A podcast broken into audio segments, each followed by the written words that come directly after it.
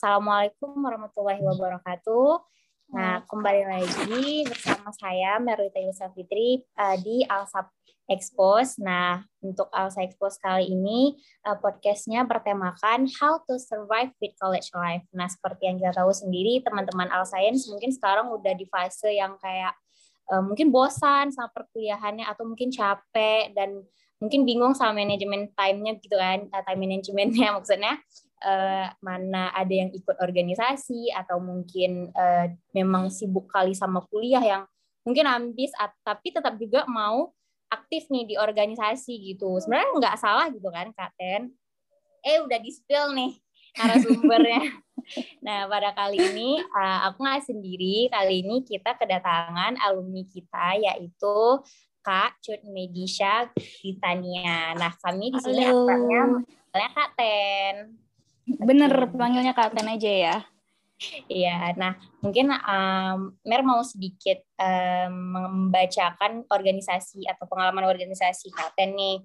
Nah, Katen ini dulunya juga aktif sebagai anggota OSIS SMP Negeri 7 Banda Aceh, terus juga pernah menjadi sekretaris OSIS SMP Negeri 7 Banda Aceh, terus uh, di waktu SMA kakak jadi ketua satu OSIS nih kak.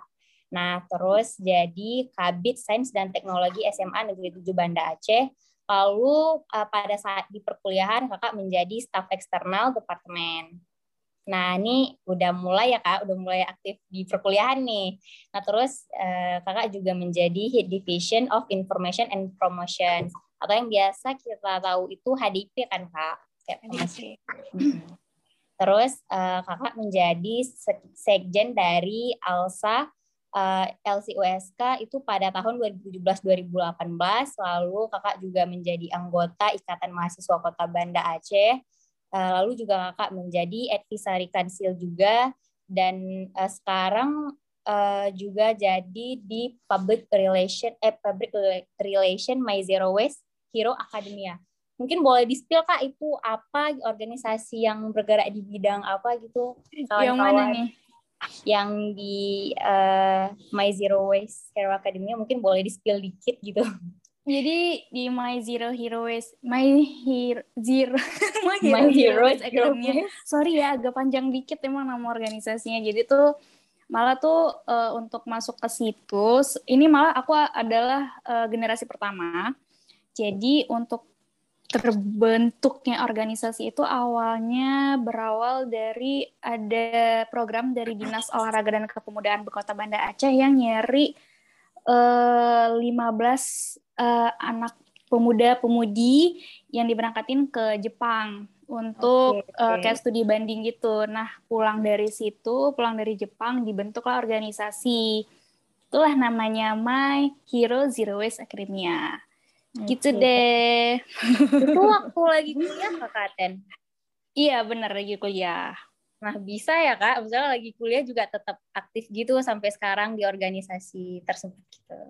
Iya, jadi kalau boleh di-spill dikit, uh, kemarin aku pas ditawarin sama Nanda buat jadi di sini nih sekarang tuh kayak, wah beneran nih Nanda. Aku flashback dikit lah ya. Karena mm -hmm. yang diketahuin aku yang enggak tepat banget uh, di kuliah tiga tahun setengah kumulaut empat tahun normal enggak malah aku udah hampir emang enam tahun gitu kan lima tahun setengah. Nah jadi nah karena aku kemarin ada kayak sedikit daunnya jadi aku harus ngulang setahun. Nah karena aku ah, aku nih ngulang nih nggak boleh ngisi setahun uh, kekurangan aku dibanding teman-teman tuh dengan ya kuliah doang. Jadi akhirnya aku nyari, nyari tahu tentang program apa kek yang bisa menghasilkan kayak gitu kan. Ya menghasilkan pas ketahuan di Dinas Pemuda Olahraga Pemuda eh Olahraga dan Kepemudaan Kota Banda Aceh itu lagi buka cari pemuda-pemudi ya langsung ikutan aja deh. Jadi setidaknya teman-teman aku yang udah lagi nyari kerja, aku yang lagi ngulang kuliah, aku juga lagi studi banding ke Jepang. Jadi kayak hmm. ya aku punya pengalaman lebih daripada teman-teman aku yang udah selesai kuliah gitu. Benar-benar. Nah, itu keren sih. Itu kita masukin ke ini aja kali ya, di poin tips and trick kepada teman-teman Oh iya iya boleh. Oke, siap siap siap. Nah, yep. oke okay, Katen. Mungkin untuk yang pertama uh, kami mau tahu nih gimana mm -hmm. uh, awal mula kehidupan perkuliahan Katen. Mungkin yang uh, mungkin dirasakan anak-anak sekarang tuh kan apalagi lagi pandemi gini di online kan kak. Nah hmm. dulu uh, mungkin nggak sememboring sekarang, sekarang memboring kali kak kuliah online itu. Nah jadi mungkin waktu semester satu ini masih rajin nih, semester hmm. dua udah mulai, mulai semester tiga tuh udah malas gitu. Dan kalau misalnya ada organisasi juga kayak merasa aduh aku banyak udah merasa orang paling beban di sedunia gitu dengan organisasi dan uh, kegiatan kuliah itu sendiri. Nah, bagaimana Kak Ten menanggulangi yang rasa-rasa yang ini tuh nggak boleh gitu dijadiin mindset gitu pada teman-teman. Iya, kalau aku sih kalau ditanya apalagi di masa pandemi kayak gini aku juga bingung ya. Tapi kalau misalnya ditanya di awal perkuliahan aku ya karena ketemu teman jadi semangat sendiri kayak gitu kan. Tapi kalau ditanya pas lagi masa pandemi gini paling uh, terutama aku yang anaknya terlalu aktif. Jadi kayak mau online nggak online tetap cari deh pengalaman sebanyak-banyaknya. Karena itu yang menentukan CV kita gitu ya. Bukan yeah. hanya sekedar CV tapi pengalaman juga. Uh, karena ya kita pengalaman itulah guru terbesar ya kan. Jadi walaupun lagi online aku ya nggak tahu rasanya kayak gimana. Tapi ya aku ngerasa dikit lah ya kayak rapat online rapat online gitu tuh kayak emang boring banget kan tapi buat teman-teman yang lagi dengerin kita, lagi nontonin kita hari ini, itu kayak lebih baik jangan terpaku deh karena online jadi beban semua beban. Tapi ya kalau bisa tetap nyari pengalaman sebanyak-banyaknya itu perlu banget gitu. Ya walaupun via virtual kayak gitu, tapi ya itu ada efeknya banget loh gitu. Yeah. Nah, mungkin dari awal kakak uh, kuliah nih, terus mm -hmm. kakak kan gabung ke organisasi. Nah, itu uh, boleh diceritakan gitu, kakak tertarik untuk ikut organisasi di Ikamba juga, jadi anggota Pasma juga, terus juga jadi sekjen dan jadi staf eksternal di Alsa. Nah, itu gimana yang buat kakak tuh kayak, uh, aku nih keren kalau ikut organisasi dan juga aku tuh bisa uh, survive sama perkuliahan aku juga gitu, Kak. Ya, kalau aku sendiri karena emang anaknya nggak bisa diem ya.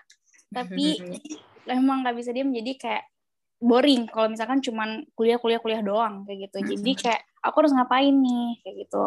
Nah jadi secara aku survive juga itu karena hmm, balik lagi emang kita tuh harus bertanggung jawab apa yang udah kita ambil gitu kan. Kayak uh, kuliah ya harus diselesain tetap kayak gitu. Apalagi itu juga harus bertanggung jawab sama yang udah dikeluarin nih sama orang tua kayak gitu kan. Walaupun aku nggak ngajarin untuk telat jangan kalau bisa ya tapi yeah. Iya. uh, kalau misalkan kalian dipaksakan untuk uh, telat atau kalian juga harus uh, apa namanya berhadapan dengan organisasi ya coba kita harus bisa pinter memperhitungkan mana yang prioritas mana yang enggak juga kayak hmm. gitu sih. Dan kalau misalkan aku cara untuk survive selama ini ya itu sih kayak melihat mana yang lebih prioritas. Terus kalau misalkan uh, dan jangan kalau aku ya aduh ini yeah. belum tips and trick ya tapi uh, skill. uh, jadi kalau aku uh, emang tertarik banget sama organisasi tuh banget bangetan dari dulu bahkan kan dari SMP SMA terus uh, karena menurut aku tuh cara kerja nanti waktu ya zaman untuk kita kerja itu ya yeah. caranya itu adalah berawal dari kerja-kerja kerja kecil dengan organisasi kayak gimana cara teamwork gimana problem solving itu bareng teman-teman dari pengalaman orang-orang yang lebih besar lagi maksudnya kayak senior kita tuh kayak gimana ya dia problem solvingnya kita belajar dari dia ya kita ketemu sama orang-orang baru link-link baru itu ya dari organisasi jadi uh, kalau aku juga tipikal orang yang seneng banget kenal sama orang baru kayak gitu kan. Jadi makanya aku seneng organisasi. Kenal sama orang baru kita kenal dia gimana cara dia kerja gimana cara dia problem solving managing time semuanya itu. Makanya aku seneng organisasi dan kenapa kamu harus banget ikutan organisasi kayak gitu. Kenal sana sini itu kuncinya biar nanti waktu kita kerja di industri di company apa gitu kan. Jadi kita nggak kaget banget sama wah kayak gini ternyata. Kita ya udah hmm. sedikit terlatih ya kan waktu di organisasi. Apalagi kalau di ASA ini bener-bener kayak wah bener-bener kayak udah ter yang aku temuin ya dari beberapa organisasi cuman di ASA yang aku lihat ngelihat itu kayak yang penuh dengan SOP laporan pertanggungjawaban yang cukup detail dan aku nggak temuin di uh, organisasi-organisasi lain jadi ya banyak pelajaran lah kalau di setiap organisasi-organisasi itu. Nah, itu deh. Ngomong dari pelajaran nih kan kak, mm -mm. Uh, kan sekarang udah jadi penyiar radio di OS Radio nih. Nah, mm -mm. terus juga uh, udah ambil di bagian uh, public relation ya kak nggak salah sampai sekarang. Nah, gitu. Uh, menurut kakak uh, pengalaman kakak sekarang kerja sama yang dulu mungkin kakak dapat di organisasi itu uh, ada kaitan yang uh, mungkin bisa diceritakan kaitannya tuh apa terus kayak uh, oh dulu mungkin uh, waktu kakak jadi um, jadi staff mungkin atau jadi sekjen kayak ini tuh berat gitu. Tapi rupanya waktu kerja udah terasa oh rupanya gini gitu hasilnya atau gini uh, apa yang udah aku capek-capek itu ini loh gitu gunakan waktu kerja itu biar teman-teman kan semangat nih waktu lagi organisasi sekarang uh, ini berarti lebih ke eksternal ya. Jadi untuk teman-teman eksternal, apalagi yang kalau dulu di uh, divisi, eh divisi, kalau di eksternal department aku tuh kan IRN kan, Institutional Relation and Networking. Itu siapa sih sekarang aku lupa si Arju ya? Arju. Nah, nah sebenarnya Arju sama HDIP aku lupa namanya siapa. Itu sebenarnya uh, ini bener-bener kayak uh, jembatan banget sebenarnya untuk dunia kerja. Honestly waktu aku gabung di Oz Radio di tahun 2018 terus aku di 2019 diangkat jadi junior public relation itu berkat dulu waktu Alsa aku minta kontak-kontakan sama public relationnya waktu itu Uh, dia kenal aku, jadi kita komunikasinya lancar. Kayak dia kayak langsung lihat wah ternyata cutannya yang gabung ke Oz Radio ini anaknya tuh organisasi banget gitu. Jadi uh, bisa nih kita uh, apa namanya kita tempah dia untuk jadi public relation dan akhirnya di 2019 alasan senior aku di public relation itu milih aku untuk jadi junior dia tuh karena itu uh, si Tania ini dulu pernah kerja sama mama aku antara Alsa dan Oz Radio. Terus aku ngeliat dia sangat bisa untuk uh, komunikasi dengan baik, terutama sama si seniornya itu yang aku hmm. kontak-kontakan ya kan.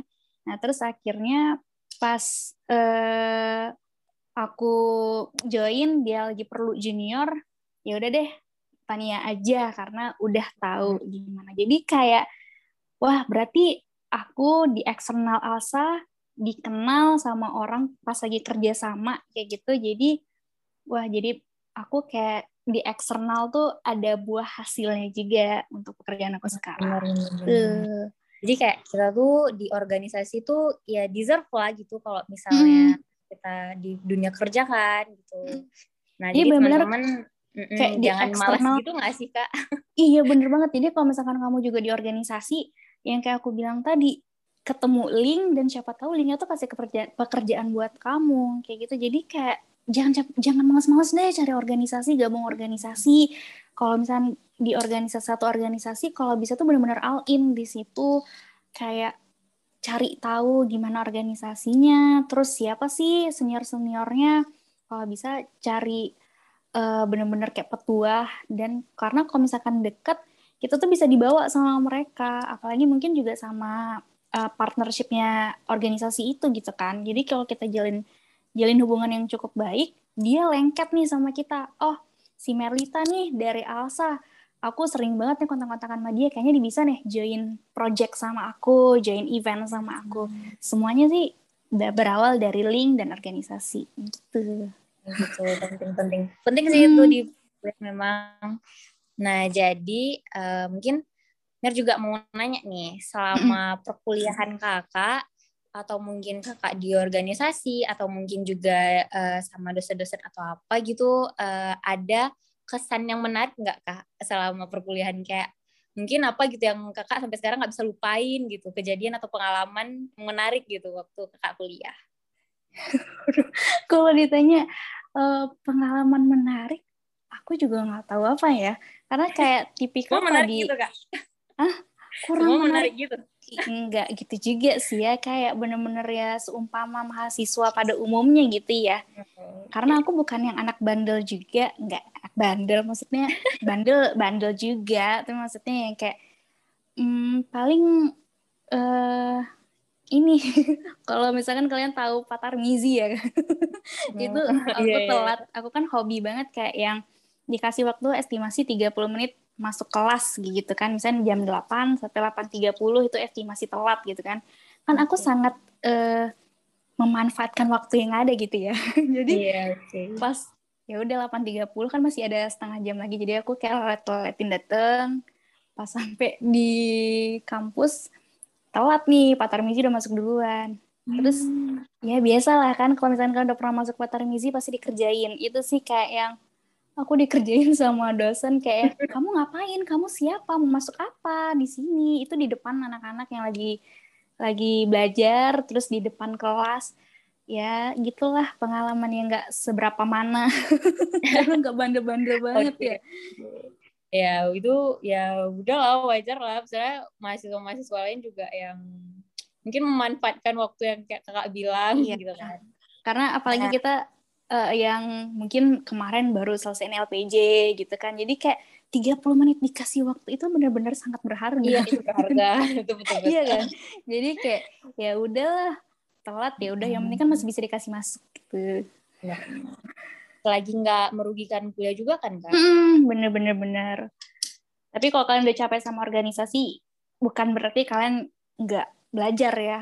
Tuh beneran aku kayak yang pernah aku waktu itu berangkat rapimnas sama Mutiara dan juga Bang Agung kan ke Surabaya. Tapi kami dapat keberangkatan itu Senin pagi dan kami Senin siangnya itu harus uh, ujian UAS sama Bu Kairani kalau nggak salah aku lupa. Dan uh, karena kami kan seminggu ke belakang kan di Surabaya rapimnas kayak gitu kan. Dan kami juga dapat flightnya itu di Senin pagi dan kami kan nggak bawa kertas sama sekali ya kan? Karena kita kan fokus rapim gitu kan. Yeah. dan akhirnya ya harus pinter-pinter kita karena uas yang mempertanggungjawabkan kita selama ini ya kan? Jadi akhirnya dari pas sampai ke Banda Aceh malah kemarin itu aku sama Muti nggak langsung harus bisa belajar juga karena di Senin pagi aku sama Muti harus terlibat sama event kampus yang melibatkan hmm, beberapa kampus di Indonesia tuh datang kok itu namanya Munas Lemhi kalau kalian tahu kan. Nah, jadi kami terlibat di panitia itu juga hmm, di hari itu. Jadi kami datang ke pokoknya flight jam sampai jam 8 9 ke Banda Aceh. Kami harus uh, nimbrung ke Munas Lemhi. Selesainya jam 12 di jam 12 sampai 13.20 itu kami belajar. Jadi harus pintar-pintar cari waktu dan pinter-pinter memilah waktu antara kuliah sama organisasi dan event yang lagi dipertanggungjawabkan. Tapi gitu itu deh. waktu ujian. Apa? Itu terkejar waktu ujian. Maksudnya terkejar. Oke, okay, bisa bisa keren. Iya, iya. Emang harus kan jam 12-nya uh, jam 12 kita benar-benar harus kejar. Kita harus pulang nih karena harus belajar jam 12 sampai jam jadi kami kira-kira cuma satu setengah jam kami belajar. Dan itu hukum ya, acara perdata. Banyak banget. Banyak pertanyaan gitu oke. Okay. hmm, nah dari Mer tahu nih kak juga pernah menjadi sekretaris dua di PALT nah, itu waktu di tahun 2017 nggak sih kak? Tahu Kenapa? itu di tahun berapa ya? Eh 2017 2000 2018. 2018. Mm -hmm. Nah, jadi waktu jadi, kakak jadi sekretaris dua nih, mm -hmm. uh, itu kan juga tetap lanjut kuliah tuh. Ada nggak yang kayak begini kayaknya uh, susah nih gitu. Aku kesusahan gimana ya gitu. Ada ada, ada banget. Kan kakak bisa langsung tahu cara nanggulanginnya tuh gimana gitu. Ada banget. Jadi di tahun 2012 2018 itu kebetulan aku baru banget ngedaftarin diri di Osridio Aceh. Nah, hmm. terus aku juga uh, dipercayakan jadi sekretaris dua. Terus aku juga jadi sekretari eh, sekretari ya, sekretari jenderal di LB-nya. Jadi tiga yang harus aku uh, hadapi ya di tanggal eh tanggal di tahun itu. Tahun. Jadi mm, jadi aku sempet yang chaos, bener-bener chaos kayak kewalahan karena apalagi di saat itu aku belum bisa bawa kendaraan sama sekali. Jadi kayak ya kalau ada yang kenal aku dari dulu tuh Teni tuh orangnya tuh yang suka uh, kalau kata Irfan Maulana Teni si beban karena karena suka nebeng sana sini nebeng sana sini gitu kan. Hmm. Nah, jadi itu benar-benar chaos karena aku lagi training, training jadi penyiar di Os Radio. Terus tapi aku harus kejar juga untuk uh, dua responsibility aku juga sebagai Secretary General dan juga uh, sekretaris dua kan dan 2018 itu udah mau deket banget acaranya dan kemarin itu aku sempat kayak memikirkan aku berhenti uh, dan meninggalkan cita-cita aku sebagai penyiar. Jadi kayak aku kayaknya nggak lanjutin lagi nih training di Oz Radio. Aku bilang sama Safira Farsya, kalau kalian tahu. Jadi aku bilang, e, Vira, kayaknya aku nggak bisa lanjutin lagi di Oz Radio karena aku benar-benar harus fokus dulu nih sama salah satu ALSA atau OS. Kayaknya hmm. aku harus ninggalin OS. Aku harus benar-benar nih, karena PLT udah dikit lagi, uh, abis PLT kita harus fokus sama LPJ LB, LPJ tahunan kita. Jadi aku kayaknya harus lepasin OS. Aku nggak sempet training lagi. Dan akhirnya, tapi Vira bilang, ya udah kak, kakak jangan lepasin dulu OS radionya, tapi coba aja dulu kalau sempat datang sempat datang kayak gitu. Tapi kemarin itu sempat yang dua bulan aku nggak dat, sebulan dua bulan aku nggak datang ke OS. Hmm. Uh, sampai akhirnya uh, aku kayak kepikiran sendiri ini cita-cita aku gitu kan. Dan akhirnya aku uh, selesai PLT aku balik lagi ke radio terus di uh, dibilang sama uh, atasan aku kayak kalau kalau misalnya kamu lagi ada depan lagi menyelesaikan responsibility sebagai di organisasi gitu kan kontak aja aku, komunikasiin aja aku, aku bisa bantuin kamu. Yang penting kamu kalau misalnya kamu pengen jadi penyiar, aku bantuin. Tapi kalau misalnya kamu lagi uh, sibuk di organisasi, komunikasiin aja. Jadi dari situ aku komunikasiin ke uh, atasan aku kalau aku tuh punya kendala gini gini gini gini. Oke, Teni fokus aja dulu ke organisasi, setelah itu baru balik ke kita. Akhirnya dari situ aku yang ketinggalan banyak training aku sebelum datang ke OS aku sama Vira itu kayak apa-apa aja yang kemarin dipelajarin kejar-kejar kejar-kejar terus di di tes di radio jadi ya ya gitulah pokoknya pertimbangannya kemarin agak kayaknya aku harus ninggalin OS nih karena benar-benar berarti kakak pernah juga merasakan oh. kayak galau gitu kan kayak pilih mana nih antara ini antara cita-cita sama organisasi waktu itu kan. Bener banget. Tapi ya namanya rezeki juga nggak ke mana kan mm -hmm. dan hmm. alhamdulillah orang-orang di radio bener-bener yang bisa kerjasama kan. Jadi kayak yeah. ya udah nggak apa-apa nanti kita bantuin dan teman-teman uh, kayak si Vira mau bantuin aku di luar dari jam training. Kayak aku harus kejar kan apa yang aku ketinggalan selama dua bulan sebulanan itu. Jadi aku uh, ya mau nggak mau ya harus kayak gitu kan apa yang kita ketinggalan kita harus kejar dulu baru dites. Gitu deh. Hmm, keren keren keren. Keren sih kakak survive-nya waktu kuliah gitu. Alhamdulillah nah. yang keren. Bagus tau Ih kak, tapi dari kakak cerita ini kan hmm, kakak sebagai orang uh, kakak sebagai yang personalitinya tuh ekstrovert kita bilang. Nah, mm -hmm. kalau untuk anak-anak introvert pasti kayak aduh mereka kan ekstrovert gampang gitu. Gimana -uh. kita yang introvert? Gitu. Mungkin kakak ada masukan gitu buat buat anak-anak yang mungkin susah ya agak susah membuka diri ke lingkungan gitu. Hmm aduh bingung juga bilangnya gimana ya. Karena ya introvert sama ekstrovert itu sebenarnya kayaknya sifat bawaan juga yang susah juga kita dobrak untuk kamu harus jadi ekstrovert tapi yang aku tahu juga kalau misalkan itu sebenarnya bisa dilatih dengan sendirinya. Kalau nggak salah aku ya itu kayak ilmu yang aku nggak tahu ngambil dari mana tapi pernah denger aja gitu ya. Asal okay. ngomongnya ya nih si ini ini kan. tapi setahu aku ada tuh ada beberapa orang yang dulunya introvert tapi dia bisa agak semi extrovert karena lingkungannya. Jadi ya coba aja beraniin diri semuanya tuh awalnya tuh beraniin diri coba keluarin sifat PD-nya dikit aja itu yeah. bisa deh survive survive-nya itu karena kalau bukan karena ada orang lain kalau bukan link balik lagi link. Ya udahlah selamat selamat aja dirimu. Kalau misalnya jadi introvert terus bisa kayak kan terus di kamar terus ada orang lain gitu kan.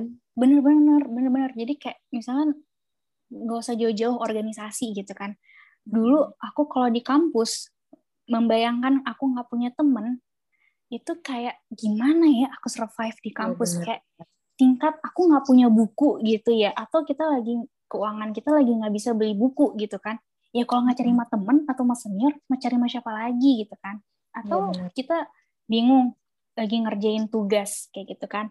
Atau gini deh uh, seringnya ya kayak aku punya tugas uh, kayak untuk buat uh, peraturan perundang-undangan. Pasti kalian pernah kan yang kerja praktek eh, mungkin eh kerja praktek yang kuliah praktek untuk buat perundang-undangan. Itu kalau nggak ada temen chaos seriusan.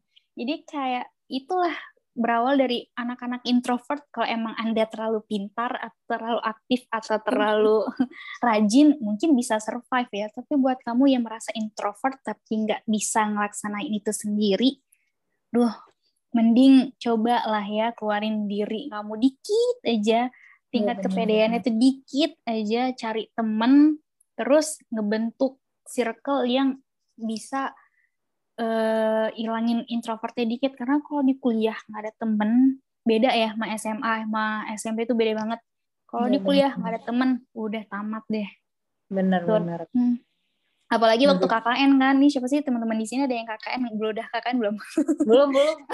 Nah itu satu lagi. Kalau KKN kalau misalkan introvert itu teamworkingnya udah deh bisa oh. dapet C dapet deh gitu jadi penting nih buat teman-teman yang mungkin uh, mungkin memang dari sananya introvert gitu tapi ya perlu temen atau orang-orang luar itu penting gitu untuk kita survive mm -hmm. di uh, perkuliahan.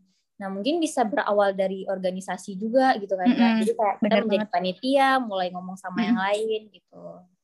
Benar nah mungkin langsung masuk nih ke poin ketiga yaitu um, kami minta tips and trick dari seorang Kak Teni nih. Aduh, untuk aku apa tuh? Untuk apa tuh? Untuk menjalani kehidupan perkuliahan. Aduh, aku kalau misalnya ditanya tips and trick ya, pas aku baca baca tornya disuruh kasih tips and trick gitu kan. Itu tuh uh, aku kayak malu di sendiri gitu ya, kayak ngasih tahu tips and trick karena uh, as we know si Ten itu yang nggak akumulot yang aduh sok merendah banget ya anaknya ya. Tapi kayak kayak nggak cocok eh gitu ngomong untuk tips and trick ke orang-orang. Tapi kalau si Nanda aduh makasih banget Nanda gitu ya. Nanda tuh yang kayak kasih kepercayaan buat aku kayak karena kakak telat tapi melakukan sesuatu itu makanya kalian percaya sama aku. Ya, jadi kayak mm, jadi kayak uh, si apa namanya si anak insecure ini kayak ya udah deh nggak apa-apa lah ya jadi uh, tips and trick aku nggak tahu apa tapi ya semuanya berawal dari teori lah ya kan. Prakteknya insya Allah kalian harus bisa. Kalian harus bisa tahu mana yang prioritas, mana yang enggak. Tapi kalian juga yang enggak boleh memaksakan diri. Kalau aku ya, itu pribadi aku. Kalau misalkan kalian capek, udah istirahat, jangan dipaksain. Karena apa pun yang kalian paksain, itu hasilnya nggak baik. Jadi mending kalian ngelakuin hal-hal yang kayak uh, dikit tapi menghasilkan daripada kalian terlalu effort tapi malah itu buat kalian capek mending dikit-dikit aja kalian ngejalani kayak kapan kalian seneng kapan kalian mood kerjain ya gitu okay. tapi pas kalian kerjain juga harus all in tapi gimana ya bilangnya kalau tapi kalau kalian yang terlalu gimana kali juga dan itu buat kalian capek jangan jangan dipaksain. Hal-hal apa pun itu jangan dipaksain. Yang ada hmm. ntar kalian capek. Kalian malah buat hasil yang nggak sesuai dengan ekspektasi. Gitu deh. Tapi yang paling benar adalah managing time sama prioritas mana yang harus dikedepanin. Itu juga harus lebih kalian paham mana sih yang harus lebih penting mana yang harus diutamain karena kalau misalnya kalian itu aja udah tahu insya Allah sesuai deh sama ekspektasi kalian gitu deh Hmm, menurut Kak Ten sendiri, kalau untuk prioritas itu sebenarnya ada nggak sih di dunia perkuliahan kayak uh, antara ini ini sering kali nih kan kita dengar hmm. antara mungkin uh, organisasi sama kuliah kira-kira mana gitu. Nah, kalau misalnya Kak Ten mau memberikan jawaban yang gimana? Kalau hmm. aku ditanya prioritas sama kampus sama uh, organisasi, aku nggak bisa bilang salah satu salah satu eh yang mana tuh aku nggak bisa bilang. Tapi ya pasti hmm. jawaban seorang wise man itu pasti bakal bilang kampus lah itu yang paling diprioritasin. Iyalah kan karena itu itu juga bayar. Uh, apalagi itu juga sebagai tanggung jawab kita sama orang tua gitu kan.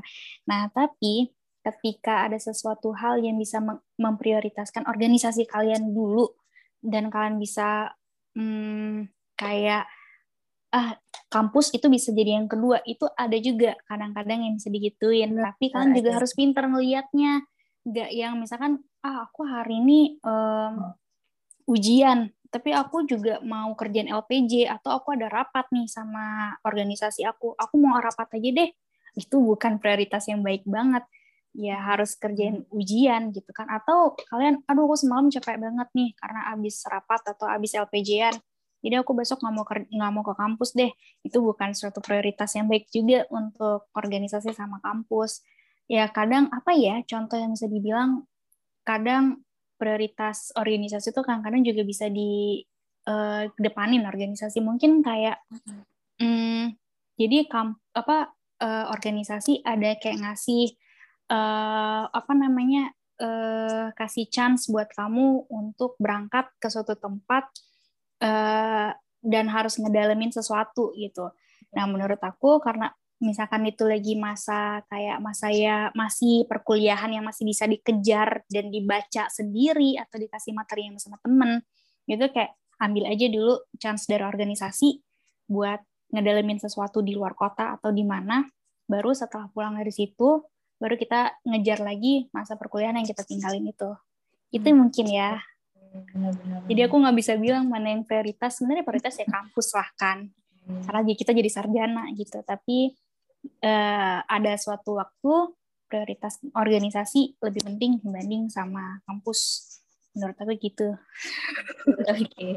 Nah mungkin ini uh, langsung masuk gitu ya ke bagian uh, mungkin Kak Ten pernah nggak sih waktu kuliah dulu kayak nyusun uh, suatu plan gitu atau misalnya uh, list yang harus Kak Ten aku ini atau harus jalanin nih selama kuliah? Kayak ini aku harus 24 SKS terus tapi juga organisasi juga terus terus aku harus jadi uh, atau sekarang uh, dulu jadi HDIP aku harus terpilih jadi hmm. HDIP terus juga harus jadi sekjen. Itu udah udah uh, ada listnya nggak sebelum sebelumnya gitu untuk Kak Ten sendiri mungkin bisa dibimbing kawan-kawan Al Science juga untuk uh, nyusun rencana di uh, college life itu sendiri gitu kak aku tipikal bukan orang yang futuristik ya, maksudnya enggak yang nyatet aku mau ngapa-ngapain aja enggak, tapi tersontak di dalam diri aja kayak masuk ke hukum nih. Aku kan emang enggak yang unexpected juga kalau aku bakal masuk ke hukum, tapi pas aku oke, okay, aku sekarang jadi anak fakultas hukum. Tapi oh, udah kebayang nggak mau jadi I'm sorry. Emang kakak dulunya mau masuk kampus apa? biasalah ya anak IPA maunya pengen kedokteran. Hmm. Oke, okay, ke ke fakultas hukum gitu kan. Tapi hmm. kalau pas pernah kebayang kalau jadi anak fakultas hukum, aku udah tahu aku bakal jadi anak Alsa, anak Alsa gitu Wih, kan. Jadi karena aku waktu SMA udah kenal Alsa, udah tahu Alsa. Bener, jadi bener. kayak kalau jadi pas aku milih hukum kalau emang aku lulus, aku kayak udah targetin diri, aku bakal jadi anak anak Alsa gitu kan. Terus kalau udah masuk Alsa, aku belum kebayang mau jadi apa, tapi aku udah kebayang departemen yang bakal aku pilih itu adalah eksternal. Kayak gimana aku tahu aku tuh anaknya ekstrovert banget gitu kan. Jadi ya pilihnya eksternal. Paling gitu aja sih yang aku nggak yang mentokin aku mau ngapa-ngapain aja tuh enggak. Tapi kalau ditanya kayak pernah nggak kebayang udah aku harus 24 SKS, harus organisasi, iya aku dari semester 1 udah ngitung. Setelah kan semester 1 semester 2 dipaketin ya kan kalau nggak salah aku ya, ya semester benar, 3 masih baru uh, jadi semester 3 yang baru dikasih. Nah terserah kamu mau ngambil apa-apa aja gitu kan. Nah, aku tuh dari semester 1 semester 2 tuh emang udah gencar. Itu uh, kalau bisa IP aku tuh bisa dapetin 24 SKS biar cepet kelar gitu kan. Karena aku emang dulu kerjanya kejar kumlaut banget anaknya karena kayak aku nggak lulus di FK tapi aku harus kumlaut di fakultas yang aku lulus. Aku target prinsip aku waktu itu gitu. Nah, ya udah berarti rezeki aku dihukum berarti aku harus kumlaut nih. Jadi aku udah ngitung. Aku inget banget aku ngitung uh, di ruangan 0104. Pasti nggak ada yang tahu ya ruangan 0104. Pada online. Masuk ke link aja. Iya, jadi waktu terus uh, di kelas itu di mata kuliah hukum hukum lingkungan kalau nggak salah aku itu pas lagi eh hukum apa ya pokoknya lupa itu dia lagi dijelasin masalah SKS kayak gitu tuh masih baru-baru banget tuh terus akhirnya aku ngitung ini kalau aku 24 SKS terus aku bisa kelar berapa lama ya tapi tanpa SP jadi, kayak ya aku harus kejar. Jadi bener-bener aku kayak yang so ambisius si cutannya ini benar-benar kayak aku harus di atas tiga setengah nih tiga setengah di atas tiga setengah alhamdulillah. Aku dapat dapat terus 24 SKS selalu dapat jadi ya sial di penghujung aja. Jadi kayak ambiar deh semuanya. Gitu deh. Tapi ya di balik kita semua tetap harus ngambil positifnya nggak boleh ambil negatifnya walaupun gitu aku punya banyak pengalaman yang orang lain belum tentu juga bisa punya pengalaman kayak aku gitu. Oke, keren keren. Nah mungkin uh, gimana ya kalau misalnya menurut Merni, Merni juga mau tanya kan, ini personal nih sebenarnya, tapi ya udah kita sharing ke teman-teman Alsa. Nah mungkin juga uh, kalau dari yang merasain sendiri, kita tuh pernah menjalanin uh, suatu kegiatan tuh yang enggak sesuai yang kita mau nih kak gitu. Misalnya kayak kakak bilang, memang benar kalau apa yang kita suka tuh ya kita jalanin gitu kan. Kalau misalnya kita merasa capek ya kita harus istirahat gitu kan. Nah tapi ada mungkin uh, satu atau dua kegiatan atau uh, responsibility yang harus kita ambil gitu. Tapi kita nggak suka nih. Ada suatu tugas tapi kita nggak suka. Terus kadang uh, ada orang yang mungkin berat gitu melakukan uh, suatu tugas itu. Tapi kan tetap tanggung jawab harus dijalanin. Mungkin ada gitu uh, saran dari Kak Ten nih sebagai yang udah berpengalaman gitu. Hmm, apa ya? Paling gini sih uh, kalau uh, kita ditempatin di suatu divisi atau di suatu tupoksi yang kita nggak suka sama sekali tapi kita dikasih kepercayaan nih uh, buat ngambil uh, pekerjaan itu.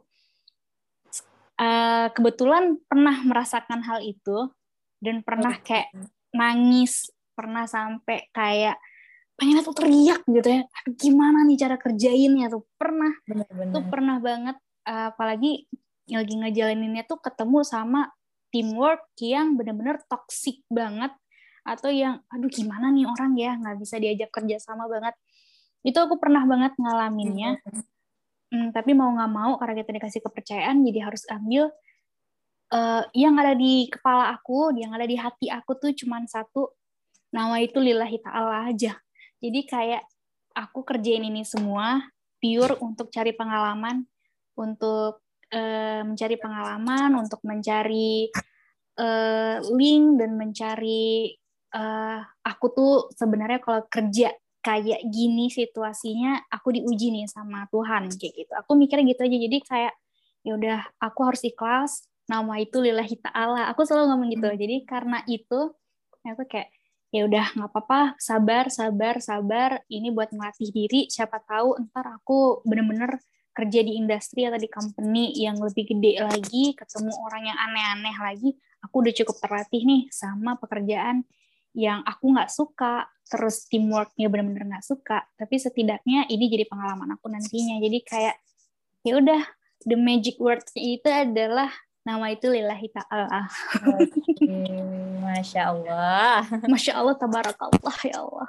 Jadi sebenarnya penting sih untuk teman-teman sekarang mungkin ya yang ada atau berapa orang gitu yang merasa gitu semoga ya tetap kuat aja dan tetap ikhlas sabar yeah. dan aja gitu. Karena memang ada untungnya kan kak untuk kakak sekarang kayak ya nggak apa-apa sih dulu kakak udah pernah di jalan gitu-gituan pahit-pahitnya dulu mungkin tapi sekarang kayak oh nggak apa aku udah pernah berada di fase ini jadi aku udah bisa lewatin kalau ke depannya ada lagi gitu Ya paling yang paling penting ya buat teman-teman ya aku sih sebenarnya belum bisa ngejalanin ini semua tapi uh, banyak yang harus uh, yang banyak yang bilang ke aku dan aku juga kayak harus sampein ke kalian. Yang kuncinya itu adalah bersyukur aja sih apa yang kalian lagi terima sekarang jalanin sekarang tuh bersyukur aja karena di luar sana kadang ada orang yang pengen di posisi kalian tapi kalian yang nggak suka sama posisi itu malah dapat kepercayaan di situ. Kadang orang lain melihat X factor di diri kalian yang yang kalian juga nggak tahu ternyata kalian ada kemampuan X factor di situ. Jadi udahlah bersyukur aja kalian dikasih kepercayaan di situ jalanin aja dulu. Hmm, kalau bisa ya sharing-sharing ke orang itu juga penting biar kalian nggak ngerasa sendiri. Karena kalau misalnya kalian ngerasa sendiri kalian merasa nggak punya temen nggak ada tempat untuk cerita ya udah balik lagi. Jadi insecure sama aku gini. Aduh, big no no deh tuh insecurities mm -hmm. emang. Iya, bener banget. Mungkin kita udah di uh, penghujung acara juga. Nah, ini menarik sekali nih hari ini topik yang uh, apa Mer sama Kak ini bahas gitu. Nah, jadi mungkin Mer mau menyimpulkan sedikit aja dari uh, apa yang udah Kak Teni sampaikan karena kan teman-teman bisa mendengar dari awal yang panjang penjelasannya itu udah jelas menurut uh, sendiri gitu. Nah jadi um, untuk kehidupan uh, di perkuliahan sendiri seperti yang kita tahu juga kita harus tetap bertanggung jawab tetap uh, untuk kuliah atau uh, ambis di kuliah itu itu nggak masalah gitu kan kak. Tetap kalau misalnya ada teman-teman yang mau ngejar 24 SKS itu sebenarnya it's okay gitu. Nah, tapi tetap harus mencari pengalaman karena itu juga penting untuk kita mempersiapkan diri kita di dunia kerja masa depan nanti.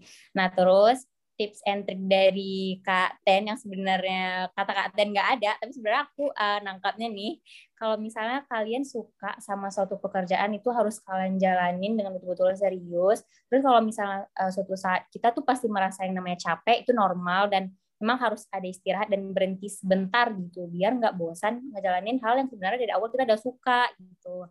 Nah, terus juga uh, seperti mungkin banyak teman-teman untuk buat teman-teman yang mungkin sering cerita ke aku atau ke orang-orang lain yang saat ini uh, ngerasa kayak aduh capek banget kayak aku nggak pernah di posisi ini kesusahan di posisi yang sekarang ini tapi ini tanggung jawab kayak uh, Kak Teni udah bilang uh, Nawa itu Hilahi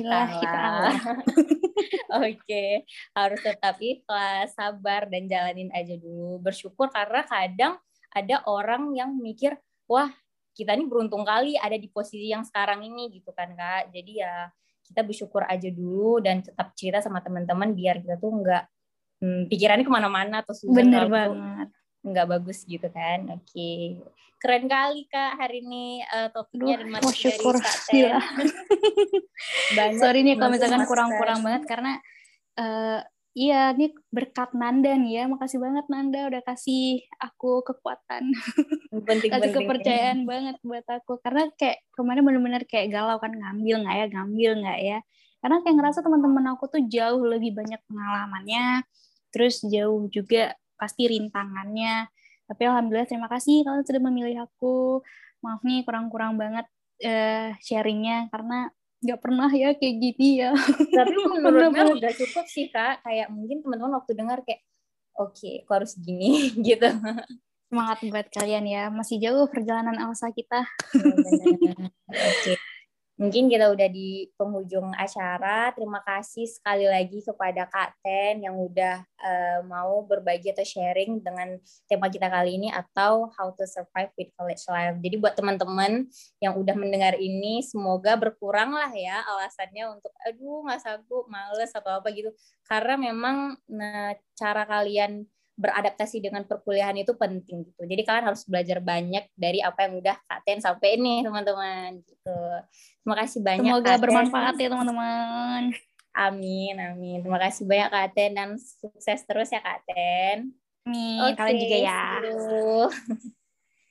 Saya akhiri. Assalamualaikum warahmatullahi wabarakatuh.